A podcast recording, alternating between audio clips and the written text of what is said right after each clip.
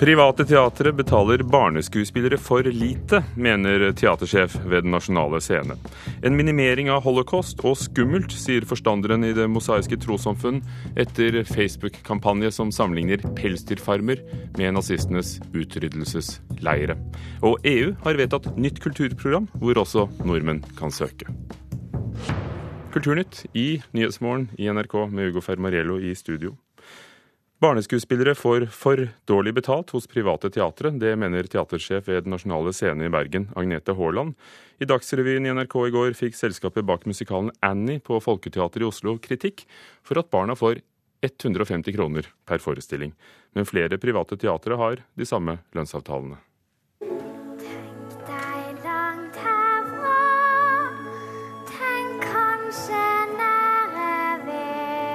Annie-oppsettinga på Folketeatret i Oslo får kritikk for å ha dårlige tilhøve, bl.a. lønna for barna som er med i teatret. Og de 150 kronene de 90 barna får per forestilling, mener advokat og generalsekretær i Skuespillerforbundet Eirik Gjønne er altfor låg. Ut ifra eh, det som ser ut til å være gjengs ellers ved, ved teatret, så ville det vært rom for å operere med la oss si 500 eh, per forestilling, dersom man eh, skulle inkludere prøver, i alle fall. Når de utfører arbeid, så kan de få lønn etter samme prinsipper som voksne. Atle Halstensen i Scenekvelder, som står bak Annie, er uenig. Jeg tenker at den lønnen er et uttrykk for at vi setter pris på den innsatsen de gjør. Og det er mer en påskjønnelse til en fritidsaktivitet som vi tilbyr dem, der de får møte noen av Norges beste instruktører og noen av Norges beste utøvere. Det er bare film-, TV- og teaterproduksjoner barn under 13 år har lov til å ta jobb i, men det finnes ikke noe lov om minstelønn. Og barna i NIs lønn er ikke unik. Vi har ikke tid, for vi må finne skjegget. Vi har ikke tid, for vi må finne skjegget. Putti Plutti Pott går i ukene før jul på scener i hele landet og har med til sammen 285 barn fra de forskjellige stedene. Og lønna? Ja, Nå snakker vi vel om de minste av barna, så er det 150 kroner per forestilling. Sier leder i Troll Productions, Heidi Halvorsen, som står bak produksjonen. Og det mener hun er nok. Vi har, fordi vi har eh, 285 lokale barn rundt omkring i landet, og fordi de ikke spiller mer enn de gjør, fra fire til ni forestillinger, valgt å se på lønnen som eh, symbolsk. Og eh, det kives heller hardt om å få være med, og vi har til og med fått tilbudt betaling for å få være med. Altså omvendt, at vi skal få lønn fra dem. Og det er mange barn som stiller til audition til hver rolle i de aller fleste teateroppsetninger. Djønne mener det kan være årsaker til at noen betaler mindre. Og man skal ikke spekulere i at det er veldig mange som ønsker seg disse rollene, slik at man bare kan velge andre hvis noen skulle skrubbe litt på, på vilkår. Det er jo helt feil, syns jeg, da. Eh, måte å se det Ja, man har bruk for det. De får en gyllen mulighet til å lære seg å få innsyn i eh, hva teaterliv er. Og det har vært mye. Det går folk mange år på skolen for å lære. Jeg synes jo at 150 for en forestilling høres helt skammelig ut. Det er jo litt sånn et skambud. På Den nasjonale scene i Bergen er derimot lønnssituasjonen til barneskuespillerne en annen, forteller teatersjef Agnete Haaland. Dette er en jobb. De må komme, de må være klar, de må yte, det stilles store krav til dem. Her får våre barneskuespillere, hvis de er under 13 år, 225 kroner for prøver per dag, inntil tre timer. Og for forestillinger så får de 300 per time. Den nasjonale scene får 100 millioner i årlig statlig driftstilskudd. Både Annie og Putti Plutti Pott er produsert av private selskap uten støtte fra staten. Annie er en langt større produksjon enn Putti Plutti Pott, men Halstensen sier de ikke kan konkurrere med statlige institusjoner. Altså, I utgangspunktet vil jeg betale alle. Jeg vil gjerne ha, ha profesjonelle på scenen, jeg vil gjerne ha større orkester. Jeg vil gjerne ha trygghet for, for, for, langsiktige arbeidsplasser. Men så lenge jeg driver med min egen lommebok som garanti, så er jeg nødt til å ha et kostnadskontroll og et kostnadsfokus som nødvendigvis er mye strengere enn en institusjon som har mellom 100 eh, og 200 millioner kroner i, i overføringer. Sa Atle Halstensen i Sene kvelder til vår reporter Maria Piles Våsan. Mer om saken på nrk.no.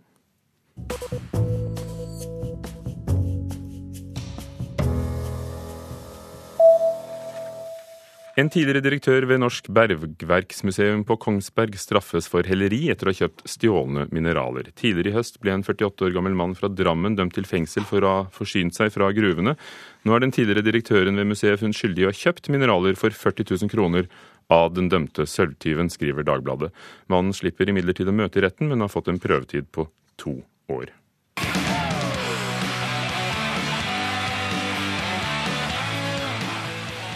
Kvelertak og deres Meir er kåret til årets nest beste metallalbum av det amerikanske magasinet Rolling Stone. Platen omtales som eh, både voldsom og vakker, der særlig gitarspillet trekkes frem. Dermed når nynorsk stadig flere mennesker, denne gangen metallfansen over hele verden. Listen over årets beste metallalbum toppes av Deaf Heavens album Sunbather, skriver Dagsavisen. Og Vetle Lid Larsens bok 'Tusen og en natt' blir spillefilm. Filmprodusent Jon M. Jacobsen, sist kjent for storfilmen Max Manus, har undertegnet en opsjonsavtale, skriver forlaget Cappelen i en pressemelding. Larsens dokumentarroman handler om to nordmenn som endte opp som slaver i Nord-Afrika, og om de tusenvis av de andre som også gjorde det.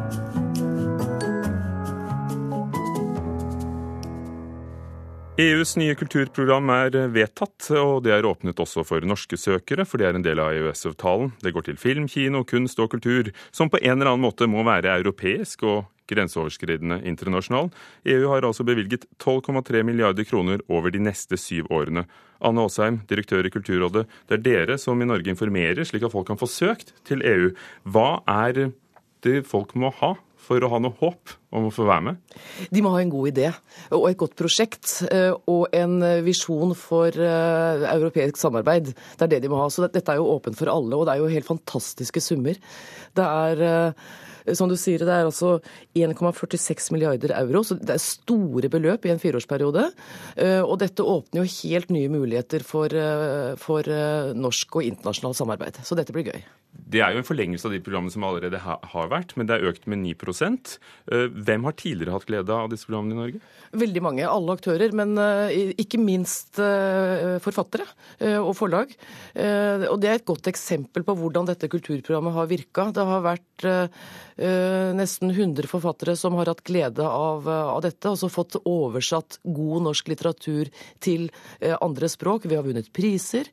Og så har det vært gjort tilgjengelig annen altså eh, europeisk litteratur for, eh, for norske eh, litteraturelskere. Så dette går jo begge veier. Men vi når jo et mye, mye bredere publikum, ikke minst på litteratursida.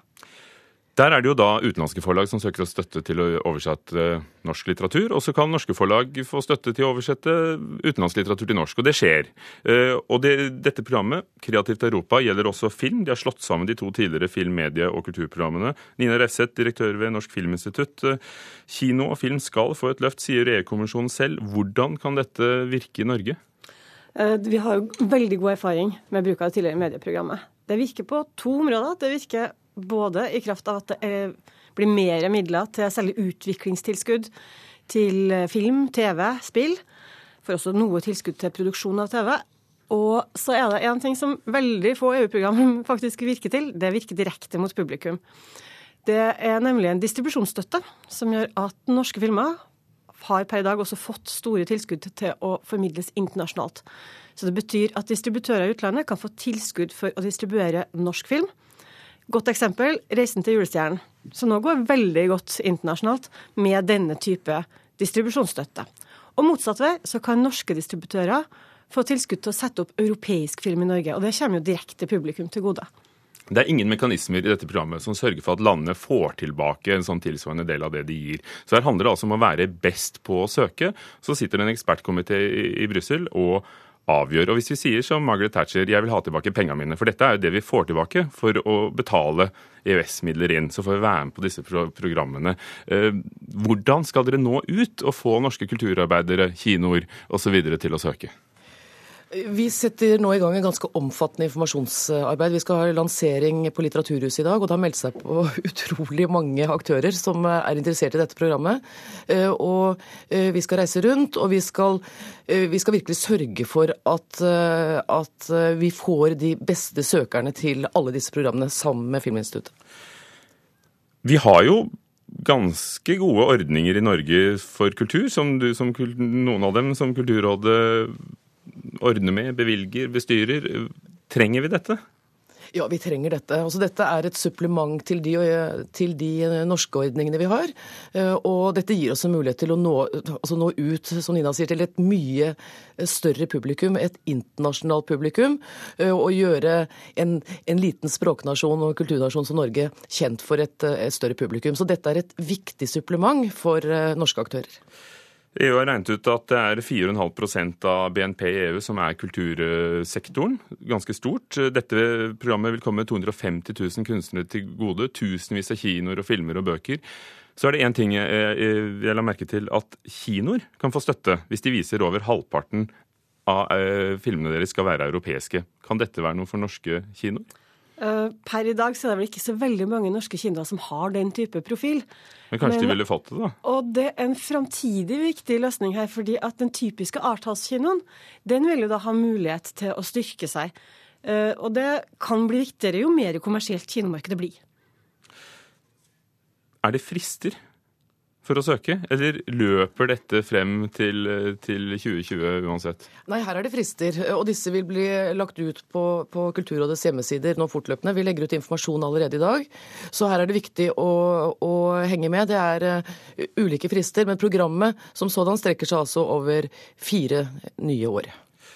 Så er det altså mm, sånn at ekspertgruppen også skal ha nye eksperter, hvor også nordmenn blir invitert til å, å, å søke.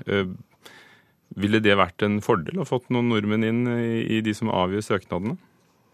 Vi har hatt norske eksperter tidligere. Og ja, jeg tror det er en fordel, ikke nødvendigvis for, bare fordi at uh, det blir lettere for norske prosjekter å få tilskudd, men fordi at hele den norske bransjen da får en internasjonal målestokk. Og jeg tror det er en fordel at vi også har eksperter som har en internasjonal målestokk. Jeg er helt enig. Dette er kjempeviktig. Eh, at eh, vi får gode norske bidrag inn i ekspertgruppen også.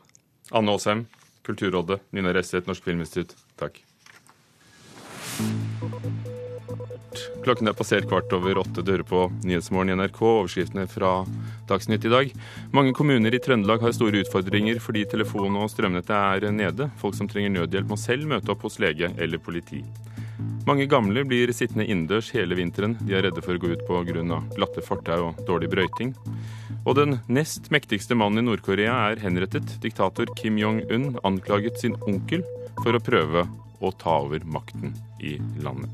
Og senere i Kulturnytt om Kristiansand Symfoniorkester som legger ut på jul for å feire jul. Til Elverum nå. I går kveld ble 150-årsdagen til kunstner Edvard Munch feiret med stor fødselsdagsfeiring i Terningen Arena.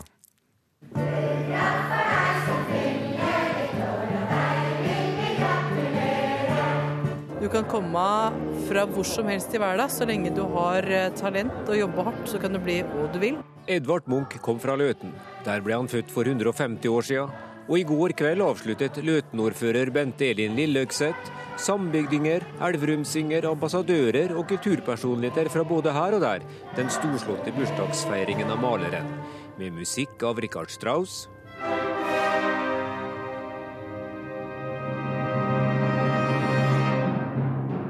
Med dukketeatret The Painter. This is the region where you are from. Og med forfatteren Karl Ove Knausgård som festtaler. Jeg syns vi kommer tettere på, og så har vi ikke minst eh, kanskje i Løten fått, uh, fått uh, gleden over Munch sin kunst brakt ut til enda flere. Nå har det jo vært Munch-jubileum et helt år. Ja. Syns du at vi har kommet nærmere Munch da? Ja, jeg syns at vi har gjort det. Jeg syns vi har vært mye dypere inn i hans kunst. Nei, Egentlig ikke. Det er ikke en kompis av meg, for å si det sånn. Da, kan du. Det er ikke så bra i bildene hans? Jo, er fine bilder. Bevares. Men uh, det er liksom ikke Sjøl om jeg er fra Løten, så har jeg liksom ikke vokst opp med henne likevel. Reporter på Løten, Per Magnussen. Svart-hvitt-fotografier i fugleperspektiv av utryddelsesleiren Auschwitz fra 1946, og under en til forveksling lik norsk pelsfarm i 2013. Det er dyrevernkampanjen som ble lagt ut på nettsamfunnet Facebook i går. Dyrevernaktivist Kjell Nordstrøm argumenterer for at norske pelsdyr sitter i dødsleire. Jeg ble veldig provosert når jeg satt og så på, uh, på denne Nobels fredspriskonserten, som jeg selvfølgelig syns er fantastisk at OPCW har fått uh, fredsprisen. Så sitter jeg og tenker på at vi har da, uh, pelsfarmer som er som dødsleir i Norge. Der vi har hundretusenvis av dyr som blir drept hvert år, enten med strøm eller med gass. Og dette blunder vi for og gjør ikke noe med. Sier den svensk-norske designeren og hårstylisten Kjell Nordstrøm, alias baron von Bulldog, som også har en historie som dyrevernaktivist. I Facebook-oppslaget beskriver han i detalj hvordan dyrene, kalt fangene, avlives med elektrisitet eller karbonmonoksid. Det er vanskelig for leseren å unngå assosiasjonene til annen verdenskrigs og holocaust og skjebnen til jøder, romfolk og homofile. For meg som dyrevenn så er det vi driver med, det er faktisk en holocaust for dyrene. For at vi dreper uskyldige dyr men bare med hensikten med at vi vil ha pelsen deres. Dyrevernalliansen, som er innbitte forsvarere av dyrenes rettigheter, vil ikke gå så langt som Nordstrøm når det gjelder språkbruk. Det er flott med debatt om dyremishandling, men man bør prøve å unngå såre andres følelser. Sier Dyrevernalliansens informasjonsansvarlige Live Kleveland. Jødisk tradisjon og lære er mot eh, mot dyr. Dette sier Erwin Kohn, som er forstander i Det mosaiske trossamfunn og nestleder i Antirasistisk senter. For ham er sammenligningen mellom mennesker og dyr som ligger i dette, usmakelig. Det han gjør, det er også å forsterke sitt budskap om dyremishandling. Samtidig så føyer han seg inn i en veldig farlig tradisjon der han minimerer holocaust. Han sier til meg at det er det han ikke ønsker å gjøre. Nei, men med den sammenligningen så gjør han det. Kohn har sett dette før, sier han. I ulike sammenhenger. Det er lenge siden akkurat denne sammenligningen. Men eh, ja, det er noen som eh, beveger seg inn på det feltet at man sammenligner holocaust med, med andre folkemord og, og, andre hendelser. Og da føyer man seg inn i denne tradisjonen hvor man eh, minimerer holocaust. Og det er, det er skummelt. Hvis noen føler seg krenket i bildet, så fjerner jeg det. Og selvfølgelig. Men budskap og teksten står det fortsatt. For jeg mener at nå må vi provosere så at det skjer noe. Og i går kveld fjernet designer og dyrevernaktivist Kjell Nordstrøm bildene fra sin side på Facebook, reporter Sølvi Fosseide. På hjul med KSO heter konsertmaratonen som Kristiansand Symfoniorkester holder på med i disse dager. 38 konserter på tre dager med ti forskjellige ensembler er nå på hjul for å møte publikum der de befinner seg. I sykehus, kirker, bibliotek eller f.eks. på skoler. Julegeriljavirksomhet. ja, men det er veldig gøy. Det er veldig moro.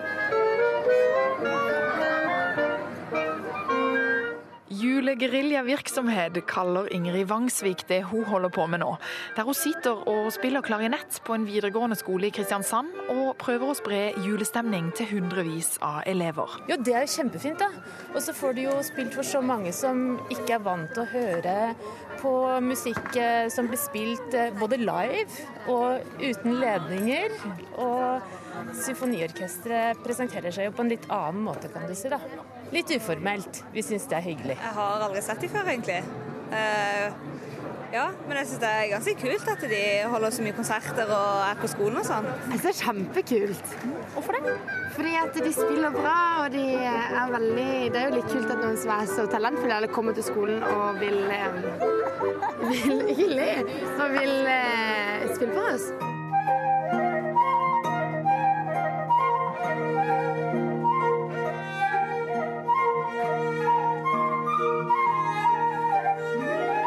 Kristiansand Symfoniorkester, eller KSO, har delt seg opp i ti ensemble som holder 38 konserter på bare tre dager rundt om i Vest-Agder.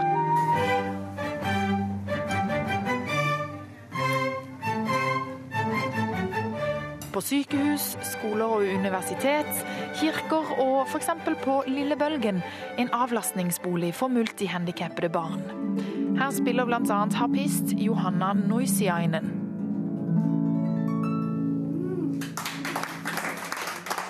Det har vært veldig gøy.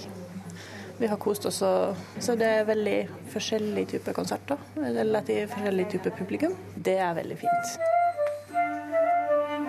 Når vi er ferdig å spille konsert i Kilden, så går vi bak scenen og pakker kassene, og så er publikum andre veien. Mens her er du sammen med publikum i samme rom og sånn. Sier bratsjist Kjell Åge Stoveland. Jeg tror, tror, folk blir litt sånn overraska. Sånn oppsøkende konsertvirksomhet er veldig sånn positivt. For det, Folk er ikke forberedt, og så kommer de inn et sted, og så er det live musikk, og så er det fint å høre på. Så i går og i dag så har responsen vært veldig bra. Orkesterdirektør i KSO Stefan Schjøll sier dette symfoniske hardkjøret har som mål å minske avstanden mellom symfoniorkesteret og publikum. Det handler litt om å ufarliggjøre en sånn kulturinstitusjon som en symfoniorkester og vise på at det er profesjonelle, men helt vanlige mennesker som, som tykker det er fantastisk å få spille. Og det er litt for å vise opp vi fins, og velkomne til oss.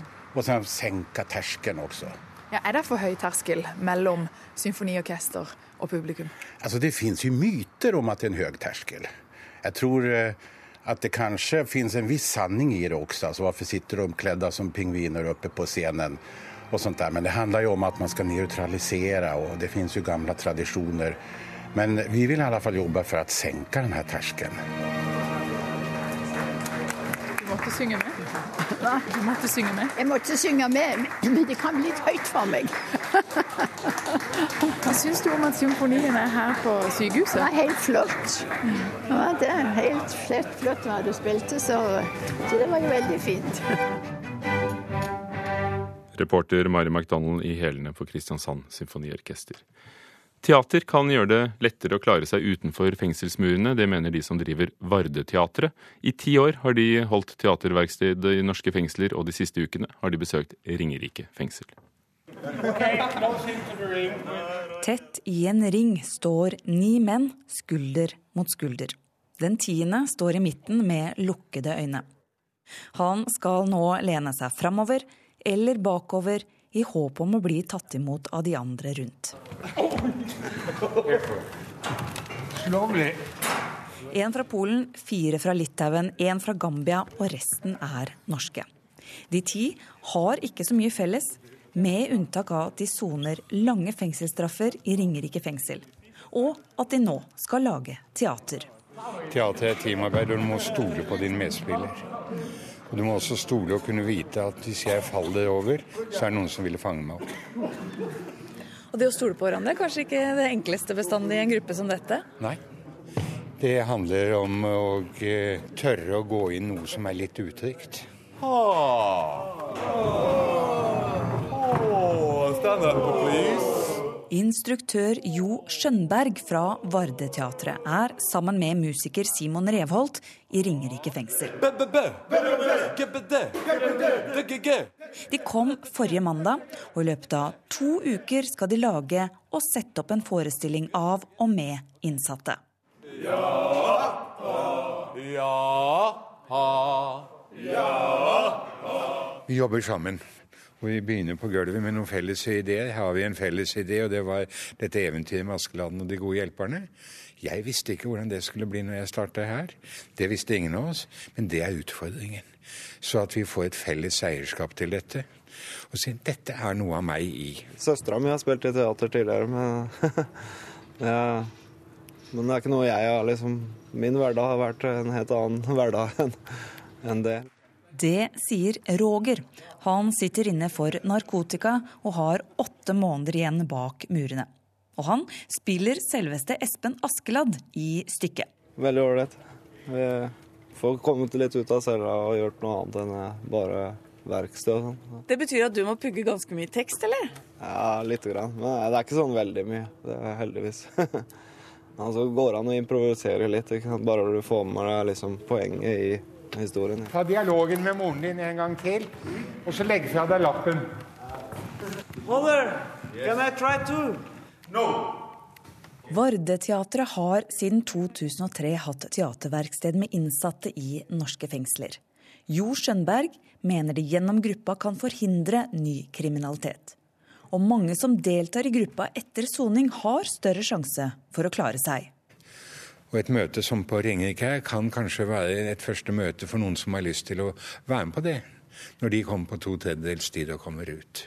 Og da er vi i overgangen fra fengsel til samfunn. Og det er det den kritiske veien er. Og det gøye å se er at vi får gode resultater. Ni av ti av de deltakerne vi har hatt på årskurs, har ikke falt tilbake til ny kriminalitet, men lever sine liv utenfor murene. Det blir litt gøy, da. Jeg vet ikke om det er noe jeg kommer til å fortsette med når jeg er ute, men, men det, er, det, er, gøy å være med på noe liksom, som ikke alle andre er med på. Liksom. Reporter Anette Skafjell hadde besøkt Ringerike fengsel og Varde-teatret. Bollywood og norsk film samarbeider om en film med homofilt tema, som kan utløse sterke reaksjoner fra konservative og religiøse i India. Filmen 'Liv er et øyeblikk', 'Life is a moment', eh, som etter planen skal ha premiere neste sommer, er et samarbeid mellom Bollywood-selskapet Movies, Masty Magic Studios og det norske The Hungry Hearts. Regissør, produsent og skuespiller Tonje Jevjon tror den eh, norsk-indiske filmen kan få konsekvenser for et lukket homofilt miljø i India, skriver Aftenposten, og India kriminaliserte nylig homofili i eh, høyeste rett. I Kulturnytt dag har vi hørt teatersjefen ved Den nasjonale scene kritisere privatteatrene for å betale barn bare 150 kroner per forestilling. Lars Tronsmoen var produsent, nei, teknisk ansvarlig. Halvor Haugen produsent. Ugo Fermariello programleder. Dette er Nyhetsmorgen i NRK.